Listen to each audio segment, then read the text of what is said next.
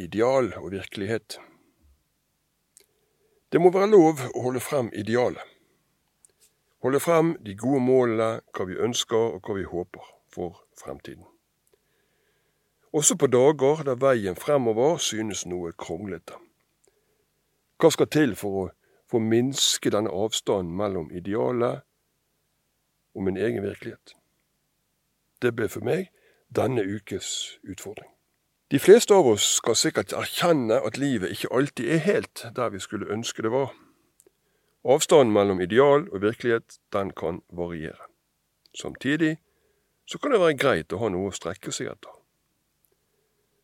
Ekteskapet kan være et eksempel på en sånn arena der denne spenningen noen ganger kan oppleves som utfordrende.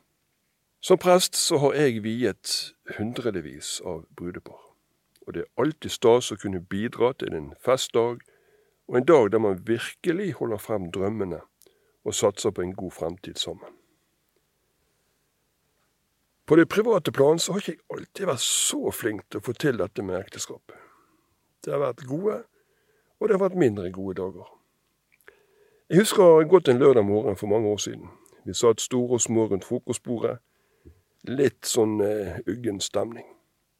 Jeg fortalte at jeg skulle ha to vielser den dagen, og samtalen utviklet seg etter hvert til en amper diskusjon om hvem som skulle ta husarbeidet, hvem skulle ta ansvar for turen som barna var blitt lovet.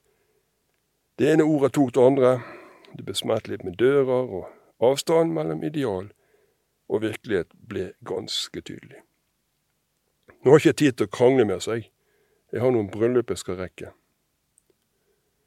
Så for jeg ut døren, satte kurs mot kirken, og prøvde å fokusere på det jeg skulle gjøre der. Inn i sakristiet, på med prestekjolen, frem med alterboken, frem med vigselsattest.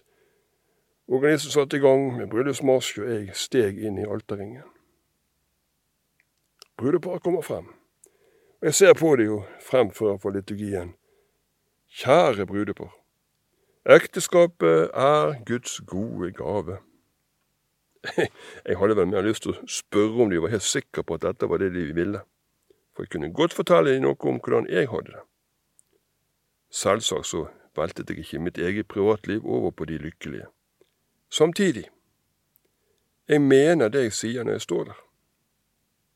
Fordi at det er viktig å peke på idealene, selv om jeg lever i en virkelighet der det å leve opp til de til tider kan være ganske vanskelig.